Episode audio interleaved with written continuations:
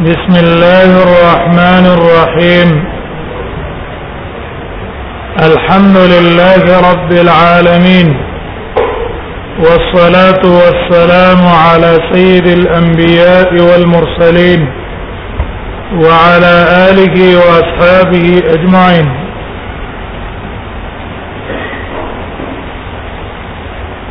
مخي عام باحث من بيانك دا غي تعلق ده د علم حدیث را عموما هغه شپږونه کتابونو د احادیث سره تعلق لرلو اوس د بحثنا من د سنن ابو داود خصوصي کو او د بحثنا به د سنن ترمذی متعلق وکاو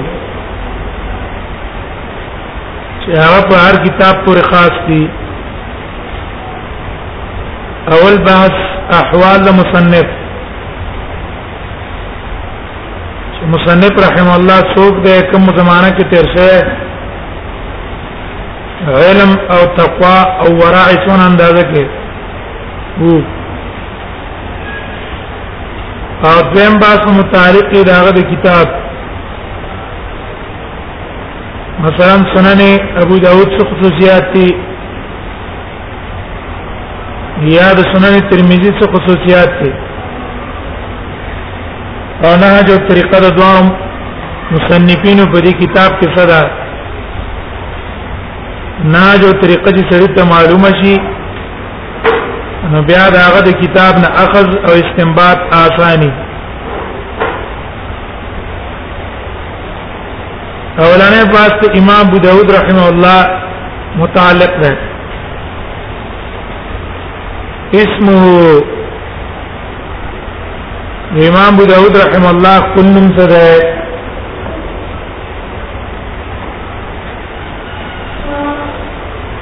دغه نوم ده ابو داود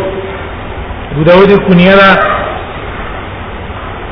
سليمان ابن الاشعث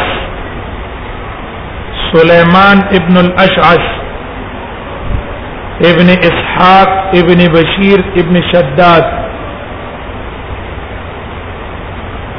سليمان ابن الاشعث ابن اسحاق ابن بشير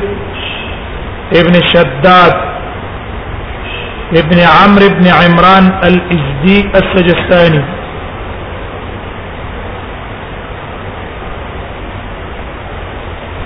دا د نوم ابن عساکر او ابن حجر رحمه الله ځان ذکر کړی دی چې د دای نیکه عمران چې د پدې نیکونو کې عمران دا د علی رضی الله عنه په جنگ کې سپین کې شهید شوی دی علی رضی الله عنه په مرګوري کې جنگ کې سپین کې سپین دا جنگ د معاویه رضی الله عنه د علی رضی الله عنه په منځ کې راغلی او ډیر کسان په دې کې شهیدان شوي دي بخاری دیم جل کې با راشي مدیم د علی ځان سره پاتې جنگ شهید شوی دی دا عربي دی عربي خالص عربي قبيله ده د اس قبيله نه ده دا مشهور قبيله ده په یمن کې او صرف پیدا شوی ده په علاقه د افغان کې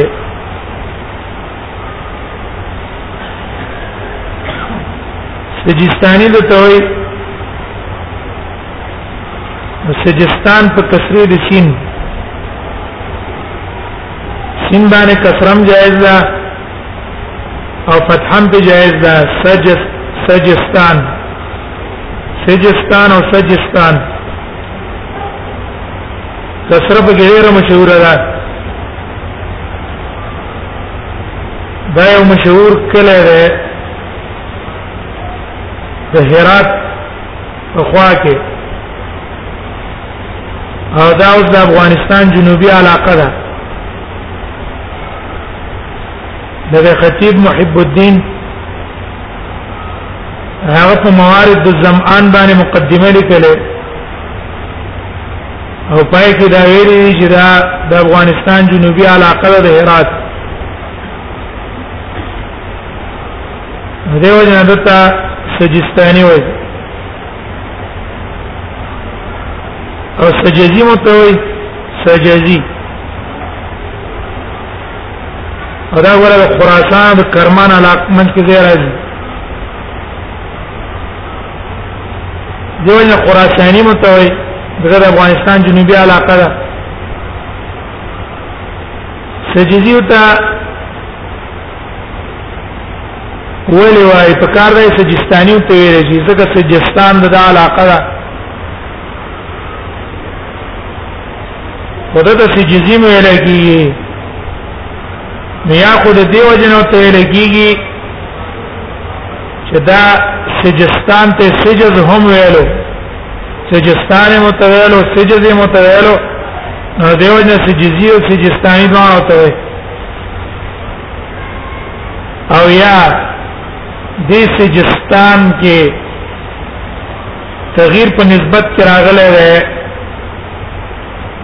سجستانی کې تغییر نسبت کراول سو جزیو ته ویلو لکه درای مقام اوسیدون کې د خلق راضی وای امام راضی نو راضی منسوب دی اصل کې رای تا نو په نسبت کې څه شوی دی خلاف القياس او خلاف القانون په کې تبدیلی راغلی ده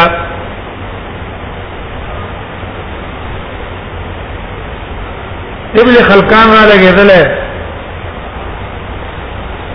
او ابن خلقان وی جنا دا سجستان قريه من قرى بصره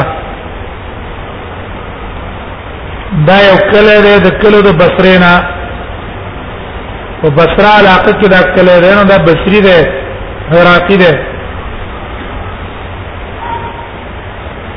شاه عبد العزيز صاحب را لګیدل هغه پر رد کړی دی ویلي چې دا خطا ده دا سجستان بصره کې نه ده بلکې دا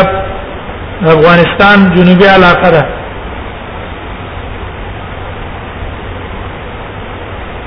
نواب صدیق حسن خان هغه را لګیدل دی او ویلي ابن خلقان ته نسبت کول خدای سي نه دي وی وجه دا ده چې ابن خلقان خو قول په قیل سره نقل کړه قیل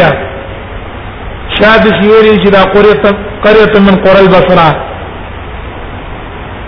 جزم او یقین خو په نه ده کړه چې دا کله ده چې من هغه ته نسبت خطایو سیدا دا دا علاقه دا افغانستان جنوبي طرف ده دغه زمانہ کومه ده عصر دا پیدا شوه ده په درېما القرن الثالث کې دوسوا دو هجری کې دو سوا دو هجری کې او دا زمانہ وا خلیفہ عباسی المامون او ډیره د علم چرچا په دغه زمانہ کې هر پند علومو کې غرغت اکابرین په دغه زمانہ کې موجودو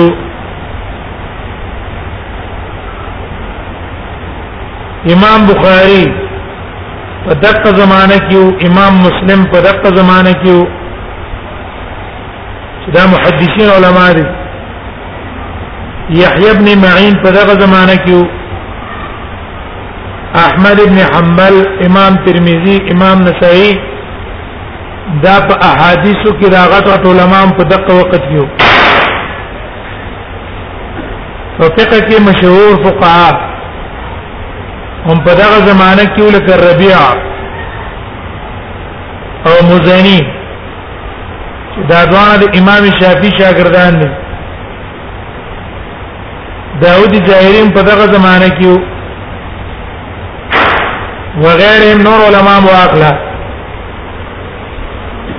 نه د علم فقه غټ علما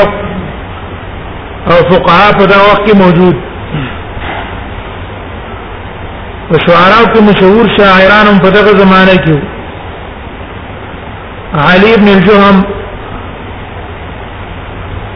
علي ابن الجهم ابن الرومي او ابن البختري او ابن المعتز دا ټول علما په دغه زمانه کې موجودو علم ادب کې مبرد دا امام د لغت ابن قتيبه جاحظ ثعلب او فرّا دا ائمه د لغت هم په دې زمانه کې نو دا علمی زمانہ او امام ابو داود په دې زمانہ کې او عالم نه نو خامہ خام دام په غټ علما کې غټ عالم نه زګر دغه زمانہ کې چې یو تن شهرت کی نو هغه به بنتي غټ عالمي چې واړه علما په دې ځای کې څه نشي کولای هغه نوم نشي کولای نه شهرت کولای شي غټ غټ علما په خوا کې غټ علما شهرت کوي واړه علما نشي کولای مدام غټ عالم مونږ یې دا په 202 هجری کې پیدا ده دی به را اولګې دلو د خپل علاقې د علماو نه علم زده کو سجستان لکه د عام علماء طریقه دای چې ابتدایي علم په خپل علاقه کې کوي د راغین رستو مختلف علاقو ته د پاره د علم حاصلولو تله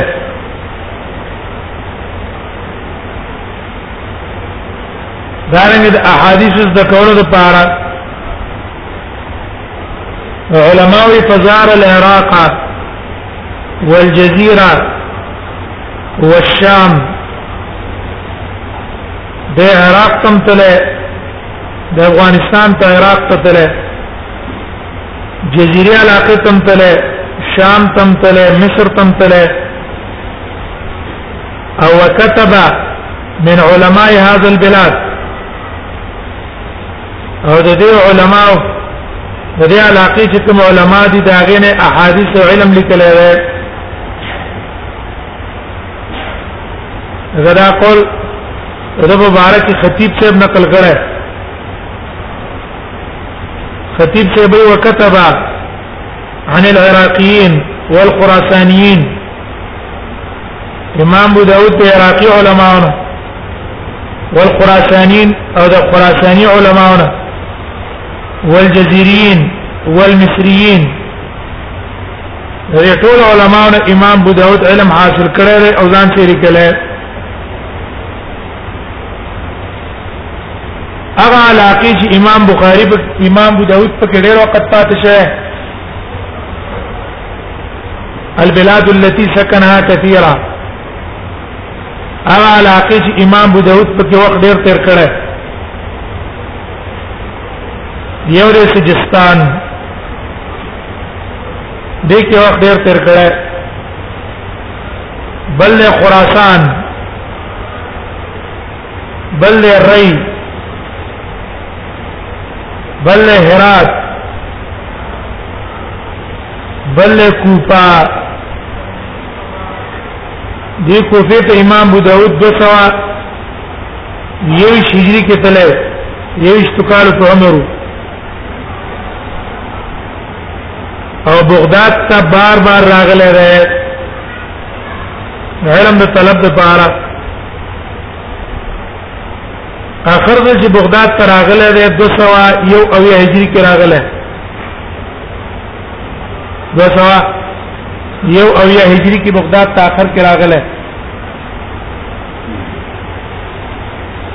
او بل مقام چې امام ابو داود په ګډر پاتې شه ترسوس ته ترسوس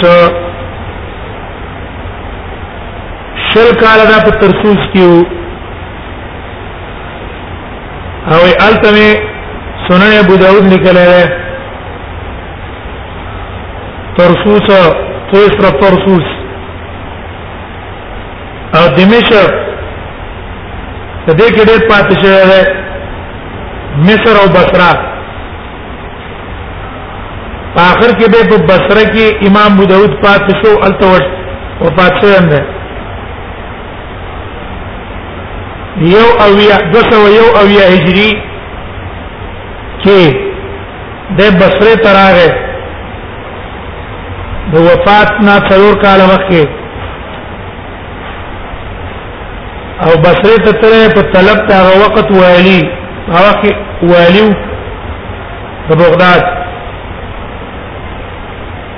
نو د کور تراغه او د امام ابو داود نه درې مطالبه وکړه دو مطالبه ول امام ابو داود ومنله او یو مطالبه ول مسترد کړه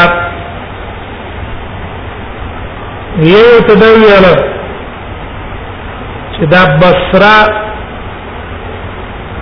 په فتنه د زنجیانو کې ورانه شوی را شړل شوی دا ستاره زما مطالبه ده چې تلاش په بصره کې ځان لکور جوړ کا او درس او تدریس د ابو داود او د حدیث شروع کا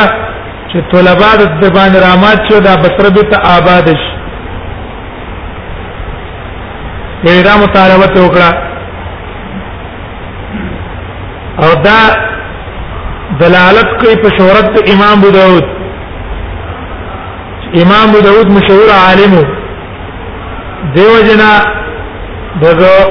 خراس د عراق امیر ابو احمد الموفق ابو احمد الموفق هغه ته مطالبه وکړه چې ته بصره تلاشه چې بصره کې آبادی او تعمیر راشي ستا په وجه زه مطالبه ته دا وکړه زما د زامنو ته ابو داود وایا سنن ابو داود ته وایا زما د زامنو ته استاد شاګردۍ شرف حاصل شي خدرم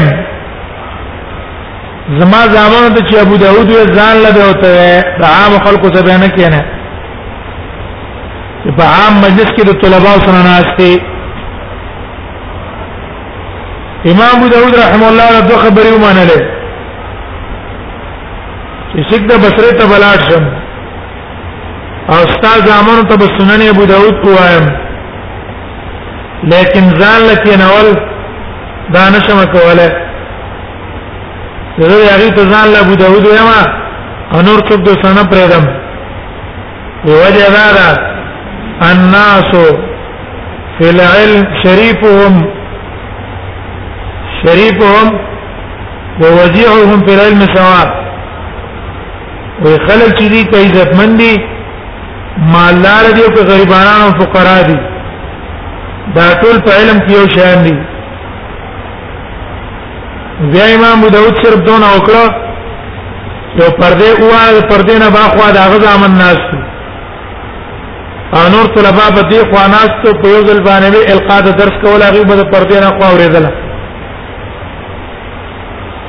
نو په دې بصره کې امام ابو داود ډېر پاتې شوی او د دې د وجنه بصره بیت الله آباد کړه دا دلالت کوي د تبحر او علمیت علمه د امام ابو داود علم او څونه مقدار او څونه اندازه کې نو کان من احد حفاظ الاسلام دام په هغه یو علماء کې عالمو احادیث د رسول الله صلی الله علیه وسلم ته یادو د نبی صلی الله علیه وسلم فقہ د احادیث فقاهت د احادیث علتونه د ذوق او د صحت دا ته یادو د احادیث متنونه د سند متعلق چې کوم سړي دا ټول ته یادو یو دلیل د علمیت باندې هغه دا دی چې دا د امام احمد ابن حنبل استاد هم بیت دی اگر کدا د احمد ابن حنبل شاګرد دی و یو روایت امام احمد ابن حنبل د دنا نقل کړه دا هغه په سند کې امام ابو داود ده او حدیث د عتیره ده رسول الله صلی الله علیه وسلم تفوز د عتیره په باره کې وشو چې حیوان اول شي او تاغه آلال کې دا عتیره څنګه ده مدار روایت امام ابو داود نه امام احمد نقل کړه او امام ابو داود چې شدید الاعتزاز به كان ابو داود شديد الاعتزاز به امام ابو داود په دې باندې ډېر خوشاله دی امام ابو داود امام احمد معنا د حدیث نقل کړه دویم دلیل علمیت او تبحر د امام ابو داود اغلا ده چې په وخت کې اونیک انسان او عابد سهل ابن عبد الله تستری سهل ابن عبد الله تستری دا د امام ابو داود رحم الله کور تراغه او امام ابو داود تی ویل ان لی الیک حاجه وزما تا ته حاجت او ضرورت ته هغه ته دې کولای شم وینا کولای شم وی چې کومه وعده راته وکړه امام داوود ټیک ته ستاسو ضرورت دې پوره کوم چې ما کولای شم وی حاجت نه ده چې ته د عجب را او با ته زستا د عجب چپ کما ويقبل منه لسانه زستا د عجب چپ کما زګه په دې جبه باندې ته ار وخت رسول الله صلی الله علیه وسلم احادیث بیانې قال الله قال رسول دا ار وخت په دې جبه باندې رواني زه ستاجب خپل کول غواړم پته ولګې دلا دا غټ متبحر عالم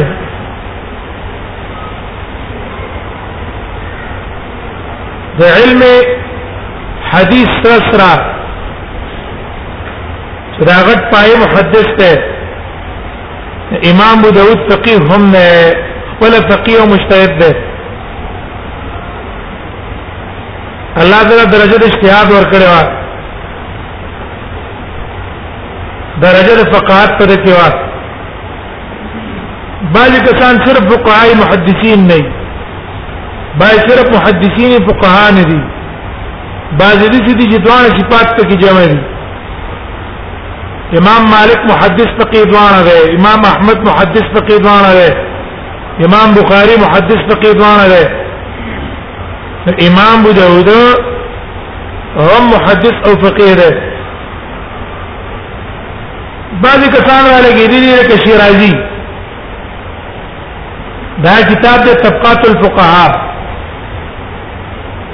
انداري ابو يعلى دا کتاب د طبقات الحنابلة دا غره لګیدل دی د په هغه فقهاو کې شاف کړی دی چې کم میلان کې مذهب د احمد تا من جمله اصحاب احمد بن حنبل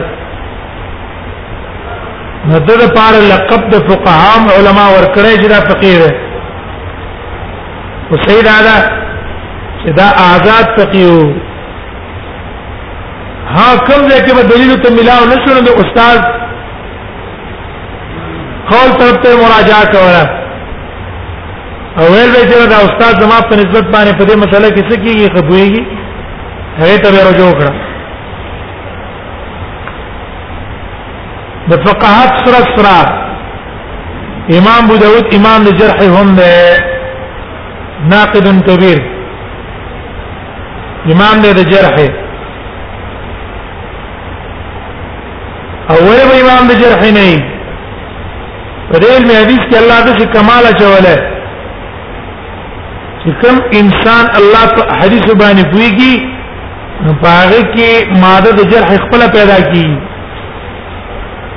چیرې دا کمزور دی دا صحیح دی دا صادق دی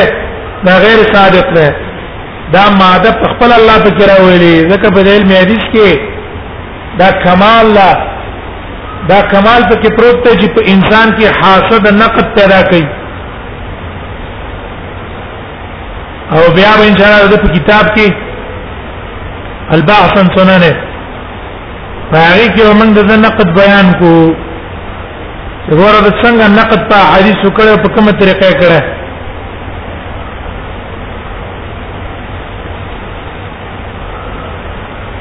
په نقدونو کې یو ناشنا مثال د نقد ده ده علما ذکر کړی دی هغه دا چې د په یو احادیث باندې اعتراض په دی وجه کړه چې ګوره دی کتاب کې حدیث متن په زور صحیح ده او سند په نوی صحیح لیکل شوی ده نو معلومیږي چې را دارسته دې کڅ کړه ده ځان نشینه په کې ورمنډې دا یو قسم نقد ده نقد الكتابه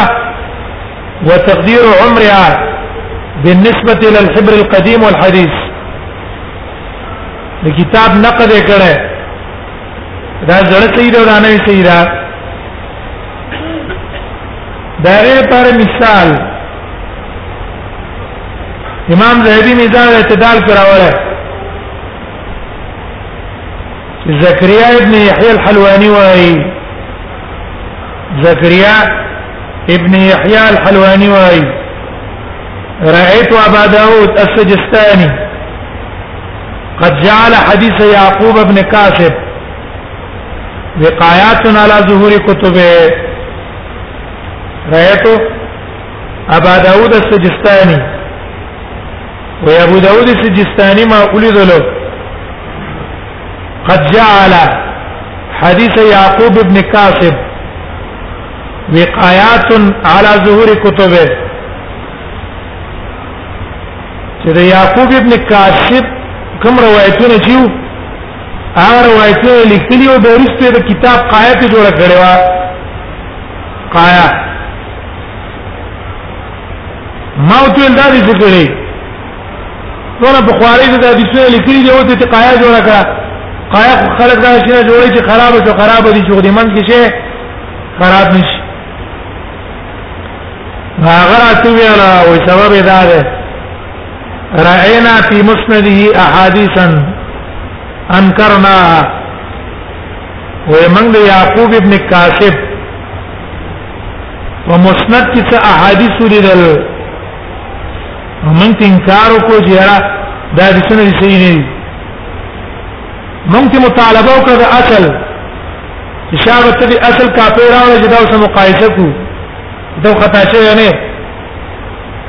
وی هغه وخت ما سم مدافعه وکړه ما وخت موږ سم مدافعه وکړه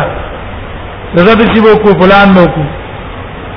ودینا بعد تلره ثم اخرجها بعد وی بیرست هغه کتاب من تراویستو فوجدنا الاحاديث في الاصول مغيره بخط طريق اصولا چې من دکړه او ماغه منکر روایتونه سند سره نو په دوسه تازه تازه زمونږ تک نه بعد اوسه سند بل شي باندې لیکل تازه چې دا وګورل ته پکې سند شته ومن ته پته ولګي چې دا کومه کې سند ته حضور وره دا نه لیکل پکې شي كانت مراسيلا فاسندها وزاد فيها ولا مراسيل پای کې سند ذکر کو زیادت په کې وکړو دیمه نخا د تبحر د امام ابو داود امام ابو داود ورغت متبحر عالم او عالم بالاحاديث ثناء العلماء عليه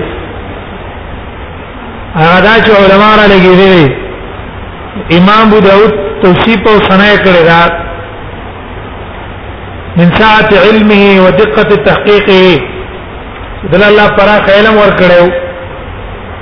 او فیدلو خا اخلاق له ور کړو الله ولا تقوا ور کړو اول قول ابو بکر الخلال له ابو بکر الخلال درې سوا دیار له هجری کې وفات شوه هغه وايي د امام ابو داود سره نږدې معاصر دی وی ابو داود سليمان بن الاشعث الامام المقدم و امام داوود چې سليمان بن اشعث ده دا الامام المقدم في زمانه دا یو امام دی چې په خپل زمانہ کې د ټولو نه سبقت کړی رجل لم يسبق الى معرفته بتخريج العلوم ودا د څو سره لري چې چا سبقت نه کړی دا نه لم يسبقو زنه سبقت نه کړی الى معرفتي بتخريج العلوم دا غي معرفت په رئيستر العلوم وبصره بمواضعها او دا غي په زینو په جندلو باندې احد په زمانه یو تند د په زمانه کې د پرنچا کار نه کړی رجل ورع مقدم رجل ورع مقدم دا یو سره دی تقوا والا هم دی او مقدم پر ارچا باندې مخکې دی دویم قول احمد ابن محمد ابن یاسین الهروی قول له احمد ابن محمد ابن ياسين الهروي اغواي وسليمان بن الاشعث السجزي سليمان ابن الاشعث السجزي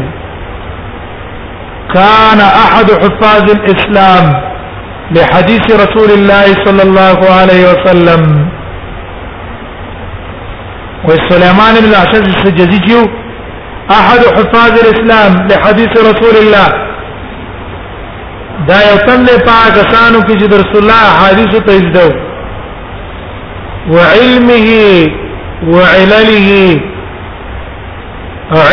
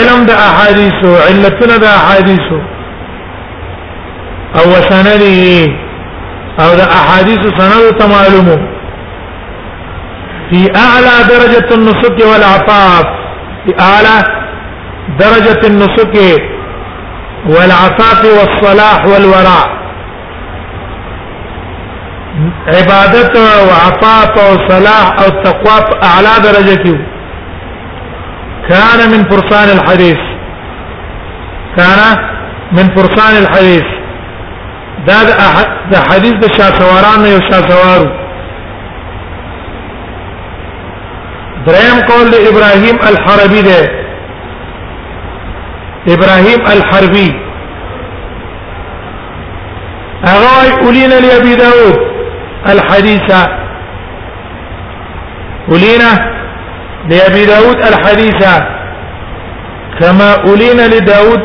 النبي الحديدة وی الله امام ابو داود ته د حدیثونو د څخه نرم کړو لکه داود علیہ السلام ته چې الله څنګه وسپنه نرم کړو وعلنا له الحديد ان اعمل سابقات وقدر في الصرف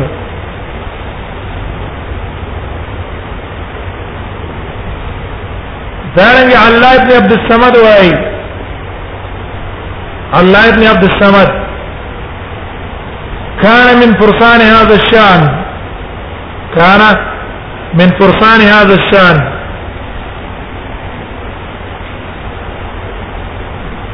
موسى بن هارون وأي الحافظ وخلق أبو داود في الدنيا للحديث وفي الآخرة للجنة و امام داود په دنیا کې الله حدیث نه پیدا کړه او په آخرت کې الله د جنت لپاره پیدا کړه ما رأيت افضل منه ما دنه بهترین انسان سره لیدل نه ده ابو حاتم هغه ابو حاتم ابن حبان سيد ابن حبان والا هغه وايي کان ائمه الدنيا کان من ائمه الدنيا امام داود په هغه امامانو کې یو امام دی چې په ټوله دنیا کې تیر شوی دی غړ غړ ائمه فقه په اعتبار د فقه امامو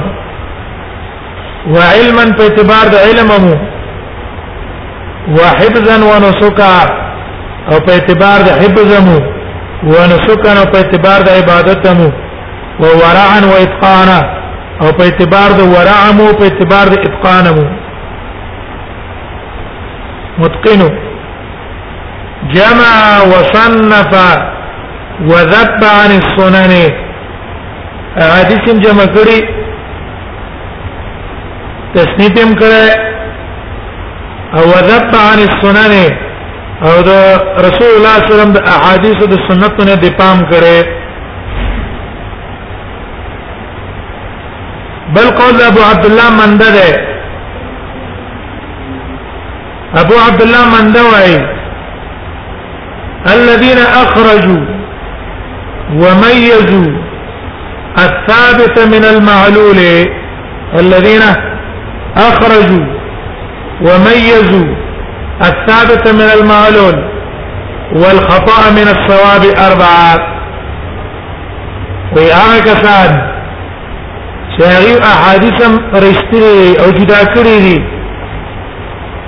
الثابتة من المعلول هي رزدا زعيدنا والخطأ من الصواب أو خطأ روايتي جدا كره دسينا أربعة نويرات سلو إمامان دي هاكي البخاري ومسلم يو بخاري دي بالمسلم دي وبعدهما أبو داود والنسائي او د بخاری او مسلم نه رسته به امام ابو داود او امام نسائی ده امام حاکم چې مستدرک والا ده هغه وايي ابو داود امام ول الحديث في عصره بلا مدافعه وامام داود شو دا امام دا لحديث علماء او خپل زمانہ کې او بلا مدافعات دې په مقابل کې څوک نه وو د مقابله کوونکي څوک نه وو بعض علمونه نقل لي و امام ابو داود فناستا پاستا کې مشابه د امام احمد سره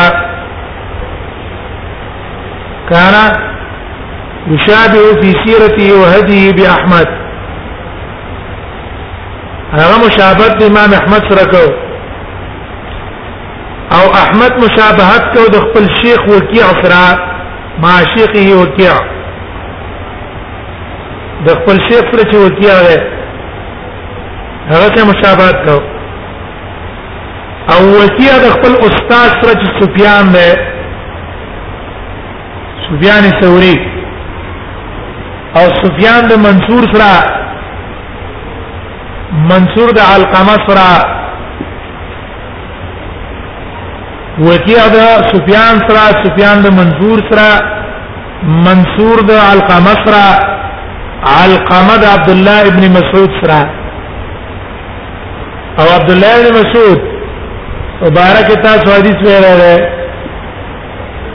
چې د رسول الله صلی الله علیه وسلم سره ډېر مشابه په هدیه او دله او په سیرته من حين يخرج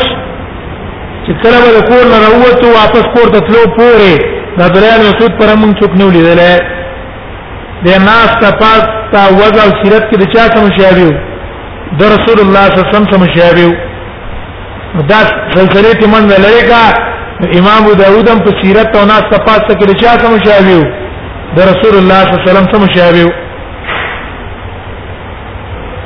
اساتذه ته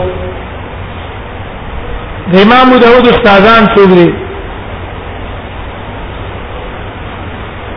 د امام داوود استادان ذکر کول ډېر اوږد مبحث ده وجدان چې امام ابن حجر هغه وايي ان شيوخه في السنن وغيره ها وې د امام ابو داود استادان په سنن ابو داود کې او په غیر د سنن ابو داود کې دا د 300 نه زیات دي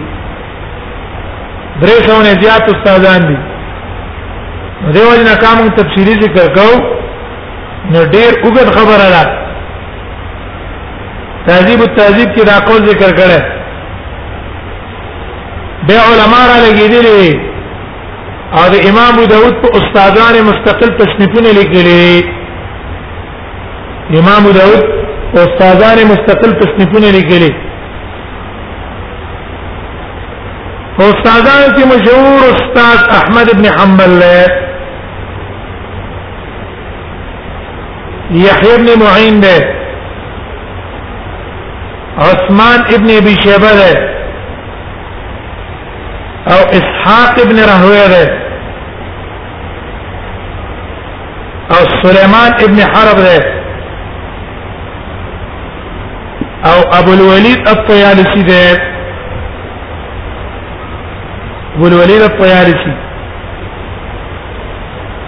او موسى ابن اسماعيل المنقري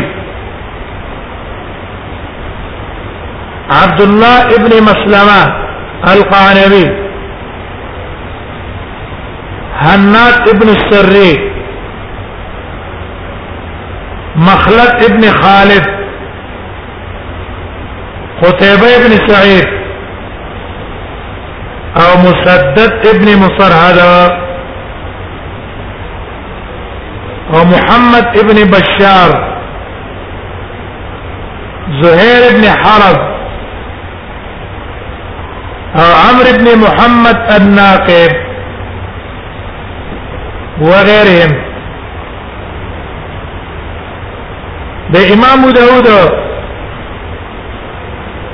دا هغه استادانو نه اخذ کړی دی چې د کوم استادان نه امام بخاری او مسلم اخذ کړی امام بخاری او امام مسلم چې کوم استادان او اق استادان د امام ابو داود نو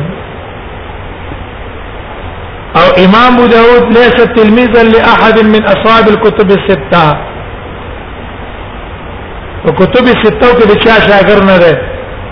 نه د بخاری نه د مسلم نه د ترمذی نه د نسائی نه د ابن ماجه بلکې نسائی او ابن ماجه د په شاګردانو کې دا نسائی او ترمذی د په شاګردانو کې ده تلاميذ د امام بو داود شاګردان څوک د امام ابو داود نه ډیر علما احادیث نقل کړي ولې سلويخ کال د تدریس ته ابو داود کړه سلويخ کال تدریس د ابو داود کړه تسنید نه بعد نو څونه تعداد د شاګردانو به د څونه تعداد د شاګردانو به او پاکه مشهور شاګردان یو امام احمد ابن حنبل او حدیث د عتیره ته نقل کړه او کان يعتز به جدا امام ابو داود په دې په دې باندې ډېر خوشاله دو فخر وکاو زم په شاګردانو کې امام ترمذی دی ابو عیسی محمد ابن عیسی الترمذی او په سنن ترمذی کې د امام ابو داود نه دوه روایتونه نقل کړي سنن ترمذی کې د امام ابو داود نه دوه روایتونه نقل کړي یو حدیث ده په کتاب الدعوات کې رسته کتاب الدعوات ترمذي دویم جلد 300 صفحه ده قال حدثنا ابو داود سليمان بن الاشعث السجزي بسنده عن انس قال قال رسول الله صلى الله عليه وسلم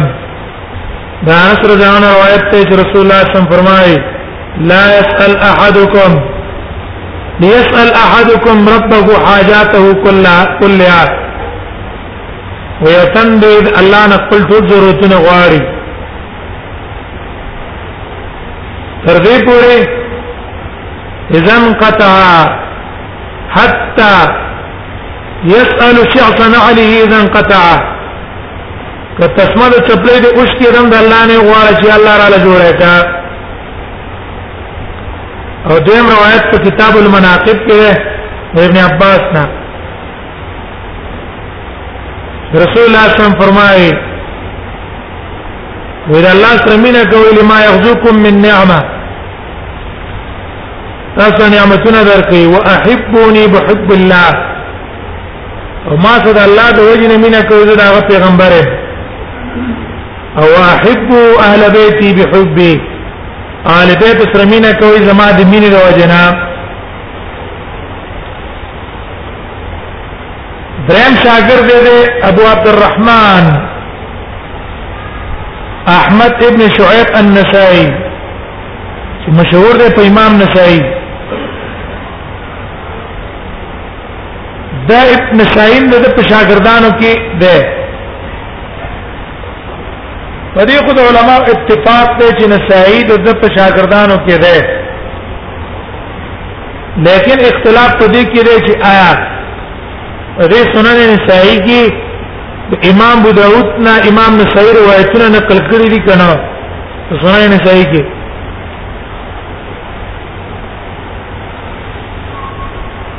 نو بعض علماء چې روایتونه نقل کړي دي چې کوئی نه دي نقل کړي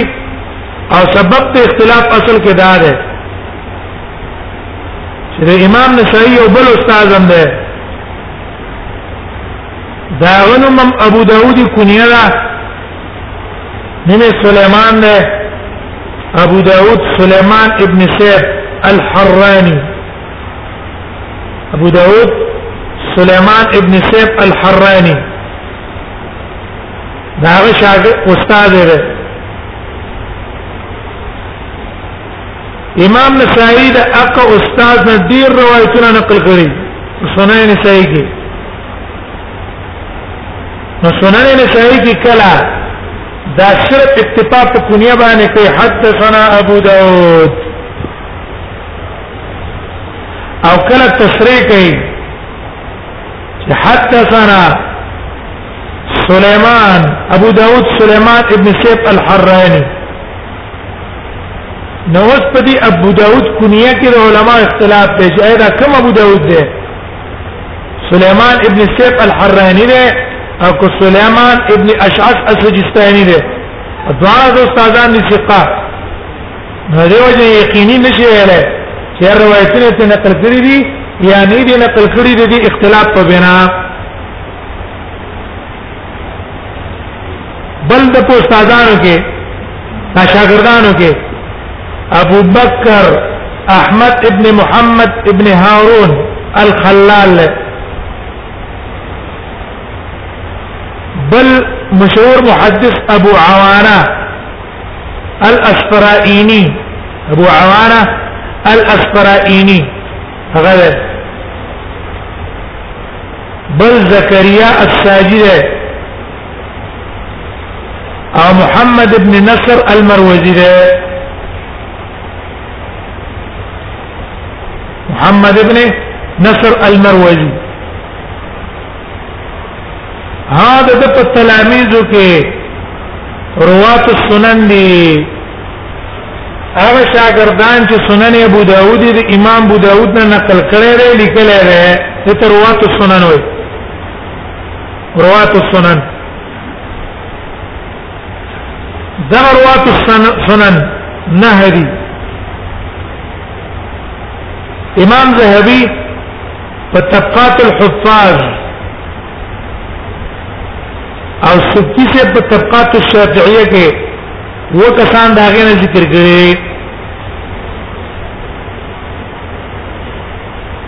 یو پاغي کې ابو علي محمد ابن احمد ابن عمر اللؤلؤي ده ابو علي محمد ابن احمد ابن عمر اللؤلؤي دویم ابو بكر ابو بكر محمد ابن بكر ابن عبد الرزاق ابن داستا التمار ابو بكر محمد ابن بكر ابن عبد الرزاق ابن داستا التمار دريم ابو سعيد احمد ابن محمد ابن زياد الاعرابي ابو سعيد احمد ابن محمد ابن زياد الاعرابي سيورن ابو الحسن ابو الحسن علي بن الحسن ابن العبد الانصاري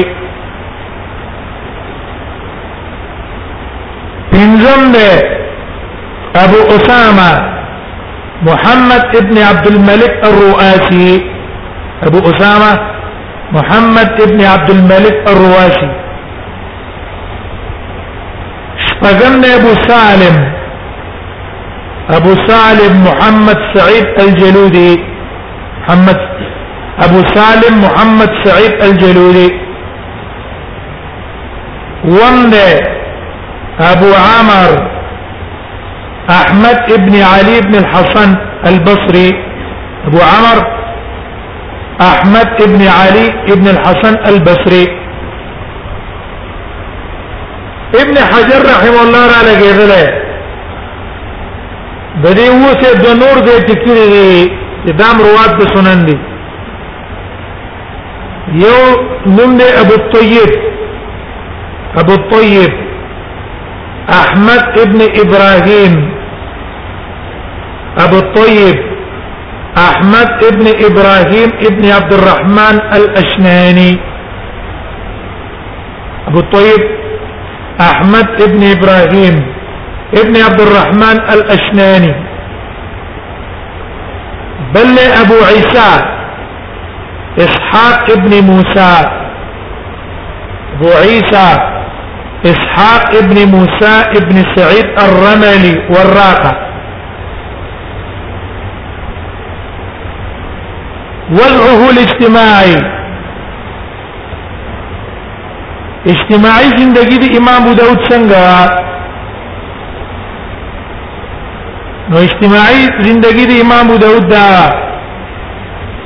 چې طالبان به د کور ته د هر طرف نه راتله وجدار چې په خپل ژوند کې الله تعالی ډېر شهرت ورکړو او د دې کتاب د په ژوند کې مشهور شوی او وكانت له مخالطه طيبه للعلماء في كل الامصار او د هر عالم سره دغه تعلقات دلیل په دې باندې هغه واقعه چې مخکې مونږ ویلا چې د بغداد والی احمد الموثق هغه د ملاقات تراغه او د دنه طلب کو چې بصره په خپل درس او تدریس باندې آباد کا سهل ابن عبد الله تستری واقع بیان شو او امام ابو داود ځان له آدم کړو وکانه الرجل متزوجا بچیمو هغه بچو کې مشهور زوی عبد الله دی وکال محدثا کبیرا او دا زویم غټ محدث وو د خپل استاد د خپل پلار نه شاګردي کړو تلمذ علی والده او امام ابو داود ډیر حرس کوونکی وګړي چې زما دا بچی په اول اول کې علم زده کی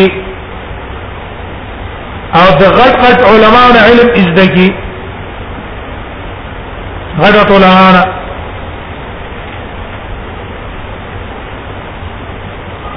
هغه کې یو مشهور قصه ده امام ابو داود په وخت کې استاد د دم استاد نوم احمد ابن صالح خدا احمد ابن صالح قانون داو چې زما په درس کې به هغه شاګرد کینی چې ګیری او چې د چا ګیری نه دی ګیری والي هغه درس نه پرې پټو دار استاد خپل خوې او خپل مزاج او خپل تبه بیګیری کس په خپل درس کې نه پرې پټو د امام داوود د زوی ګیره نه وا خدا شرط شری شرط نو هغه به دې شرطو امام ابو داود راولګې دو کوشش یې دا چې رزما د زین د شاګردۍ کراش وګیره ستره نه نزوی به درس ته چراتلو یو جاری ګیره به واچولا جاری او درس کې بکین استون استاد به ګمان کو زړه غټ چړې دې کې بعض طالبانو ته شیطانت کو الله والا خدمتګاری کنه صحیح الله والا خدمتګار دا شیطانان چې دي کنه الله والا خدمتګار دي دا غراض ته نه خو بس د الله لپاره دا کار کومه راغی استاد ته شاګرد کو چې دا کس امرت ده او ګیره اچي او راځي په کار دا وایي د استاد چې سترګې پټې کړي دا کمال دا دی چې تن ستا حیات دی سترګې به پټې کړه لار کې دی تن اولې دل ورانه کار کو خدای ته و شرمې دو بس ته ځان غلې کدا بس ته دا شرم تانو کو دا بس ته دا را اولګې دو امام بوداود تر په غوسه شو او ته ویل چې دا څه کې ما څه غلط لګې امام ابو داود ته انکار باندې کې زما د ازوی د غټ ستا په شاګردانو کې چې کوم غټ شاګرد ما هي شاګرد مقابله کې وتوا چا که زما زی باندې ستا د غټ شاګرد غالب شوی شرع هغه په دې غالب شو په علم کې نه به شرع نه زما دا غره جمع کړ نو چې کله مقابله کې واچول شو دا اوس زوی څه شو به په غالب شو خو څنګه اوس محرومه به په درس کې مدقه څه پرې خوستلو اخلاق او د امام داوود اخلاق څنګه امام داوود چې رجل كبير ذا خلق كريم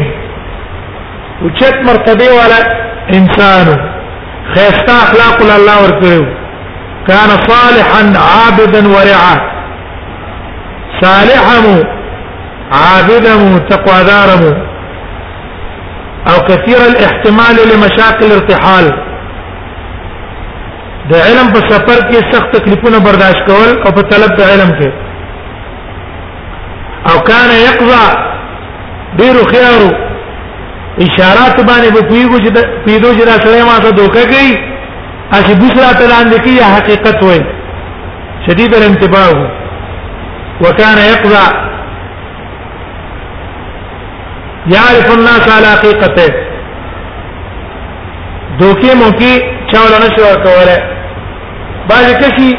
ته به چې خبرو سره مسخرې کوي بوس په تلان نه کوي هغوی چې رښتیا پسې ده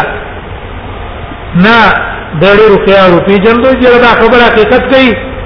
یا داسې بوس بوزي بوس کې وبو بوزي او جریان په الحق حق مبارک ډېر ګړورو پروا نه چانه ساتلا قائما بحق الدين او امينا على رسالة العلم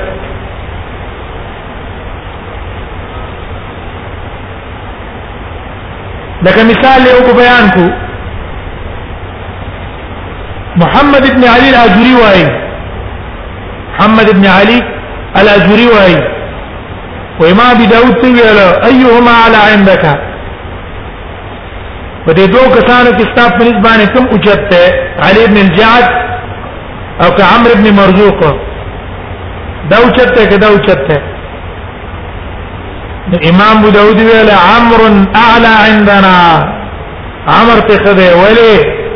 وی علی ابن الجعد ده اسما بمیسم السوء هغه باندې یو داغ لګیدل په بد داغ باندې هغه داغ وی هغه د سی ویلې دي ما يسوءني ان يعذب الله معاويه وی کله معاويه العذاب ورکی زه کنه خپکېږم او پته ولې دنه بيتو کې شیطان راوځي چې د معاويه په عذاب خپکېږي نه الله دې معاويه صحابي نه کنه او په ځکه د معاويه سره څه ده بغض دې ځکه چې په خپکېږم نه او وقال ابن عمر ذاك السبي او ابن عمر ته ویلي چې دا ماشوم عبد الله ابن عمر ته ماشوم ویلي دیو جنا دا خوشی سره ده عمرو بن مرزوق کدا شنشتا علي بن الجعد کدا نقصانات نګوره سبب ته جرح ذکر کو را دې کوي بل مخکې تیر شو گورنر ته مطالبه د زامنو وکړه چې ما زامنو ته کتاب ویوا هغه ځان له تنه شم ویل په علم کې شریف او وزیع یو شی اقواله نو دا اقوال عالم چې اوچه به درجه ته ورسیږي دا هغه به نبی الحکمت راکاره کی یو قول دغه دا ده الشهوه الخفيه حب الرياسه حدیث کې راځي رسول الله صلی الله علیه وسلم فرمایي ان اخوف ما اخاف على امتي وزدر شخص په خپل امت باندې ریګما هغه څه چې مینه د ریاست سره دا شهوت الخفی نو شهوت الخفی معنا امام ابو داود پر ریاست او مشرع کړي زما امت کی مینه مشرع ده زم قول هغه دا خیر الكلام ما دخل الاذن بدون اذن او غره خبره هغه ده چې نن اوځي وخت په غیر د اذن نه اے نخه خبره نه ده چې نیکه خبره هر چا اوري او وخت دې هر وخت نیکه خبره ته جوړ کړي درم من اقتصر على لباس دون گزاره والا جامع دې غستله ومطعم دون گزاره والا خوراک دې کو اراح جسده دا خپل بدل راحت ورکی بیغمه وي بل دلیل د دغه بصیرت په علم کې دا ده چې دا وایي جماعت السنن جماعت فی السنن 4000 و800 حدیث ابو داود کې ما اتس څلور زرا اتس حدیث راوړي او ذکرت الصحیحه وما يشبه وما يقارب په حدیث کې به کې صحیح راوړي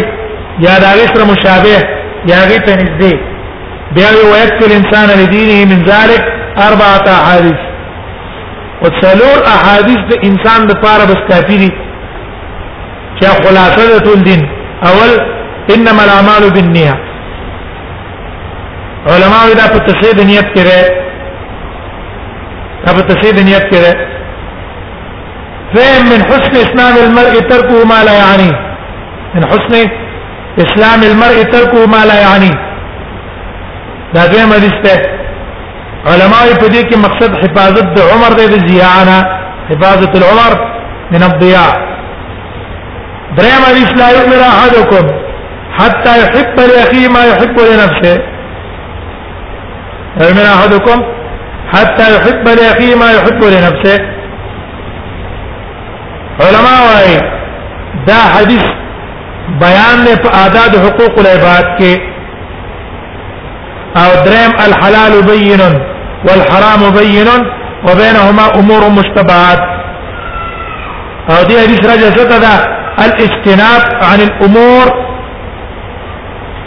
مش مشتبهات د مشتبه امورونه بزان ساتي وفاته امام داود کله وفات شوه امام داود د جمعې پر ورځ وفات شوه انزل لسم د شوال 275 هجری انزل لسم د شوال 275 هجری په بصره کې او د سفیان ثوری د قبر په خوا کې د پنځه ده کله چې د مر کېدو وصیت کړو چې حسن ابن المثنى به مال غسل لا کوي او کاغنو بل چې مال غسل لا کوي نو د غسل لري مخکې کتاب الغسل کتاب الغسل د سليمان ابن حرب هغه د مطالعه کې او داغه نورستو د مال غسل لاکي او عتاب عتاب ابن عبد الواحد هغه په منځ جنازه کړه او د دنیا نستلې د امت ته غټه ذخیره پرې خې داغه په ذخیره کې ډیر کتابونه داغلي او په کتابونو کې مشهور کتاب ته چې موږ تاسو مخې ته پروت دی سنن ابو داود د سنن ابو داود متعلق باس هغه ان شاء الله سبا وکړو